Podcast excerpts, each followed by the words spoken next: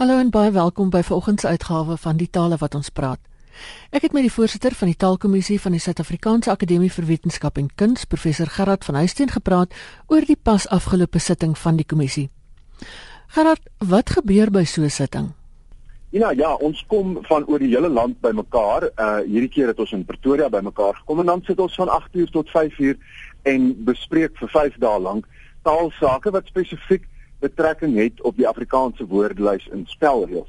Nou gewoonlik is een van die belangrikste goed wat ons doen by elke uh, elk van hierdie sittings is om te kyk na nuwe woorde uh, in Afrikaans wat dalk uh, op so uh, wat dalk opname regverdig wat erken moet word en so aan of wat mense nie geweet het hoe om dit te spel na aanleiding van navraag wat ons gehad het nie om vir jou 'n voorbeeld te gee uh, ons kry natuurlik heelwat goeders uit die tegnologie uit So een van die nuwe tendense in uh, die tegnologie wêreld is sogenaamde video blogs of 'n uh, vlog dan en dit word gespel V L O G of video blog V I D E O B L O G.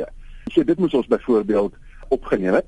Uh ons het 'n interessante navraag gehad byvoorbeeld van wat noem ons uh, nie nudis nie maar die ander filosofiese uh groepering en dis naturus en hulle meervoud is natuurlik naturiste. 'n uh, Ander een wat ons uh, lank oor gepraat het is uh ook 'n bespreking wat wyd gevoer is in die sosiale media oor muffin in Afrikaans. Is dit 'n Afrikaanse woord? En na deeglike oorweging het ons byvoorbeeld besluit ja, muffin is 'n Afrikaanse woord, want dit is net nie dieselfde as byvoorbeeld 'n kolwyntjie nie, wat dis eintlik die Engelse cupcake is. So ons het muffin met sy meervoud muffins uh byvoorbeeld opgeneem. En dan 'n baie mooi woord byvoorbeeld wat nou nie opgeduik het, is die woord nurk. Nou, know, ek weet nie weet jy wat nurk is? Nee, glad nie. Dis die geluid wat 'n seekoei maak. 'n uh, Seekoeie nurk. Uh so dit ons byvoorbeeld uh opgeneem. En dan natuurlik na af, afloop van ons parlementsitting vroeër in die jaar woorde soos warsender. Ehm um, ons het 'n sede komedie opgeneem, 'n hommeltuig, die Afrikaans vir drone opgeneem ensovoorts. So dit is een van die goed wat ons doen en wat altyd vir ons altyd uh vreeslik baie vermaak verskaf en wat lekker is om oor te praat. Ons het ook gekyk na woorde wat uh vir standaardisering erken moet word. So ons het nou vir die eerste keer befonds as 'n werkwoord uh, erken vir die Engelse funding. So 'n uh, ding word befonds of jy kry befondsing.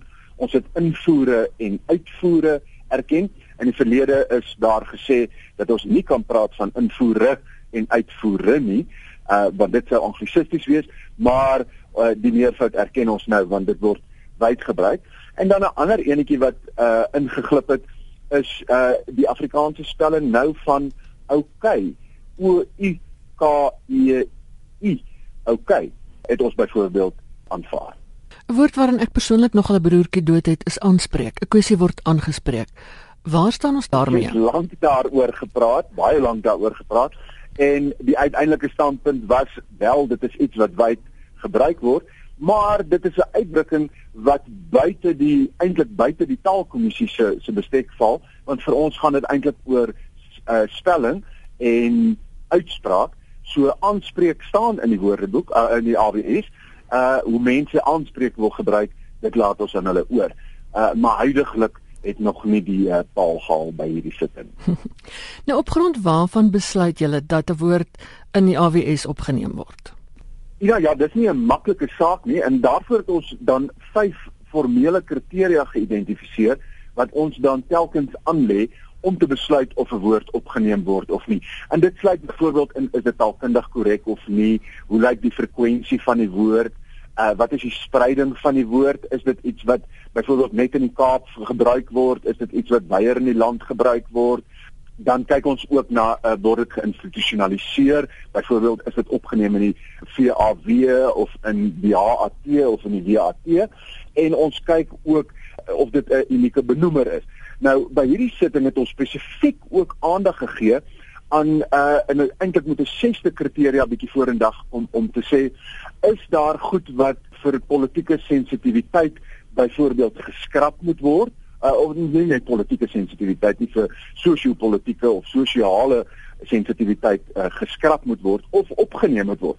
Nou van die skrappings wat ons uh, toe gedoen het, byvoorbeeld, daar het nog steeds Mongool in die uh, AWS gestaan of Mongools. Uh, nou dit is gewoon 'n kwetsende uitdrukking en dit ons byvoorbeeld uh, geskraap. Ons het ook dan 'n doelbewuste poging wat ons alreeds vir jare mee besig is binne die taalkommissie. Dis iets wat al vir jare kom om ook uh, woorde uit ander variëteite van Afrikaans, ander omgangsvariëteite op te neem. En ons het byvoorbeeld donderdag en vrydag veral twee dae spandeer aan 'n uh, uitvoerige lang lys van woorde wat uh, professor Frank Hendriks van die Universiteit van Wes-Kaapland vir ons uh, saamgestel het in oorleg met ander mense uit die uh uh so, verskeie sprekersgemeenskappe uh, wat ons uh, oorweeg het vir vir opname. Nou die uh opnames is nog nie gefinaliseer nie, maar ons het byvoorbeeld gekyk na baie oulike woord soos gumahare uh wat 'n woord is vir spookasem en dan guara byvoorbeeld jy het geguara wat 'n sinlose geraas is wat jy maak en ons tot ons verbasing het ons gesien in die AWS het ons tot dusver nog nie die woord mahala opgeneem nie. So die word ook nou opgeneem. En dan daar 'n klomp ander woorde soos kwai lappies uh metojale uh mol uh vir vorentoe bewegende skare papgeld skangaka uh sterk gevreet chom ehm um, binder en al sulke tipe woorde wat meer uit ander variëteite, omgangsvariëteite van Afrikaans kom wat ons dan oorweeg vir opname in die uh, AWS. Hoe gereeld kom julle bymekaar? Gewoonlik twee keer uh, per jaar uh, Ina, maar in 2017 gaan ons 'n uh, eeufees uitgawe van die AWS die lig laat sien. En so volgende jaar gaan ons drie keer bymekaar kom en daar's 'n eindredaksie komitee wat ook nog 'n klomp kere bymekaar gaan kom. So daar lê vir ons groot en harde werk voor uh oor die volgende 2 jaar. Mens kan nie glo die AWS vier al 100 jaar nie. Kan jy glo in 1915 is die eerste spelreëls van Afrikaans goedgekeur deur die Suid-Afrikaanse Akademie vir Wetenskap en Kuns en in 1917 het die eerste AWS verskyn en dit uh, sal ons in 2017 sal dit 100 jaar wees en dit sal dan die 11de uitgawe van die Afrikaanse woordelys en spelreëls wees. Nou ek wil net weer terugkom na nuwe woorde wat ingesluit word met die tegnologie wat so ongelooflik vinnig groei en wat oorwegend Engelse benoemings het vir die funksie of die voorwerp. Hoe gaan 'n mens te werk met sulke woorde? Ina Afrikaans het 'n lang tradisie, 'n sterk tradisie eintlik om nuwe woorde vir sulke nuwe sake te skep maar daarmee saam, so ons kyk in die eerste plek, kyk ons is daar woorde wat ons kan skep, is daar mooi vertalings en hiervan is eintlik iets soos hommeltuig is eintlik 'n baie mooi voorbeeld vir drone. So ons kyk of daar sulke gevalle is. Dan is daar natuurlik ander gevalle waar daar nie nuwe woorde geskep kan word nie, want Afrikaans gaan leen ook baie maklik by ander tale en selfs by Engels gaan leer Afrikaans maklik. Jy kan dink aan woorde wat al jare erken is in die AWS so styk of denim of speaker of gentleman of so wat al baie jare erken en uh, gaan leer Afrikaans ook by uh, Engels. So het ons byvoorbeeld gesê goed, ons het dit nog nie formeel opgeneem nie, maar die ou storie van app teenoor toep dat albei van hulle uh, moontlike forme in Afrikaans sou wees. So ons kyk altyd, is daar 'n uh, Afrikaanse alternatief? Is daar mense wat dit 'n uh, uh, Afrikaanse alternatief dalk al geskep het en so aan? En dan uh, werk ons van daar af verder en een van die moontlikhede is om dan gewoon te gaan leer. Ek vind dikwels dat daar interessante en baie beskrywende woorde in Afrikaans is. Die probleem is net dat ons mense moet aanmoedig om dit te gebruik dit is so en daar speel uh, julle natuurlik uh, by RSG en die ander media speel 'n baie be belangrike rol om hierdie uh, terme te help vestig. Byvoorbeeld en as 'n uh, baie mooi voorbeeld hiervan is die taalkommissie het al 'n uh, aantal jare gelede gesê die regte vertaling of 'n goeie vertaling, nie regte nie, 'n goeie vertaling vir die uh, Engelse podcast is 'n potsend Maar RSG het daar op hulle eentjie besluit, nee, dit moet pot gooi wees en ek dink die taalkommissie het hierdie slag die wedstryd verloor en RSG het gewen want ek dink ons sien baie meer dat mense praat van potgoeie as wat hulle praat van potsendings. En dit is 'n baie goed, mooi voorbeeld van waar die taalpraktyk en uh die taalkunde hande vat en saam uh, uh uiteindelik sien watter terms gevestig word. Bestaan die taalkommissie uit akademici ehm um, hoofsaaklik of hoe werk dit? Die lede van die taalkommissie word deur die Suid-Afrikaanse Akademie vir Wetenskap en Kuns benoem en uh, hulle streef altyd daarna om 'n goeie wisseling te hê van uh, tussen taalpraktisyns en akademici, taalkundiges. So byvoorbeeld was die vorige uh, voorsitter van die taalkommissie Tom McLaughlin was meer 'n taalpraktisyn geweest terwyl die voorsitter voor hom uh, Prof Ernst Kotse meer 'n taalkundige is. Op die huidige taalkommissie is ons uh, goed gebalanseerd. Daar's 9 lede uh, waarvan 4 eintlik akademici is meer uh, van universiteite is terwyl die ander 5 leksikograwe is, uh, ervare taalpraktisyns is en so aan. So ons probeer altyd 'n balans handhaaf tussen die meer taalkundige uh, aspekte en die meer taalgebruiksaspekte. Uh, Hoe dikwels word die kommissie saamgestel? Uh taalkommissielede dien vir 3 jaar op die kommissie waarna hulle natuurlik herbenoem kan word. Uh en dit is altyd belangrik dat daar goeie oorgang moet wees tussen 'n ou kommissie en 'n nuwe kommissie. Want ons het byvoorbeeld weer by hierdie sitting gesien dat mense uh by woorde kom en uh, dan nie seker is oor hoe hoe dit hanteer moet word en hoe vorige taalkommissies dalk daaroor gedink het nie. Daarom 'n institusionele geheue altyd baie belangrik om so oor so iets te, uh, te besluit. En is dan seker ook belangrik dat mens ook sprekers van ander variëteite van Afrikaans op die kommissie insluit. Dit is altyd vir ons baie belangrik uh, Ina en daarom uh, ons dis nie noodwendig so nie, maar jy sal ook sien oor al die jare heen uh, was die taalkommissie saamgestel uit noorderlinge en suiderlinge, uh, mense uit verskillende dele van die gemeenskap uh, word ingesluit. Uit die bruin gemeenskap is daar verteenwoordiging byvoorbeeld dan soos professor Frank Hendriks wat baie goeie kennis het in 'n goeie sosiologus is uh op die taalkommissie as ondervoorsitter en uh, op hierdie manier konsulteer ons ook met ander mense uh wat by uh in ander sprekersgemeenskappe ook is. Nou wat is die verhouding tussen die taalkommissie en iets soos Viva?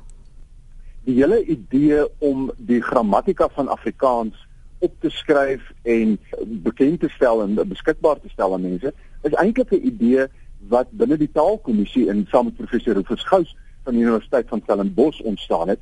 Uh en uit die taalkommissie uit die Suid-Afrikaanse Akademie vir Wetenskap en Kuns en uit die Noordwes Universiteit het eintlik die idee ontwikkel om 'n instituut daar te stel wat Afrikaanse hulpbronne kan ontwikkel waarvan iets soos die Afrikaanse woordelys en spelreëls dan een is die taalkommissie funksioneer op hierdie stadium as die uh, die liggaam wat verantwoordelik is vir gehaltebeheer binne Viva.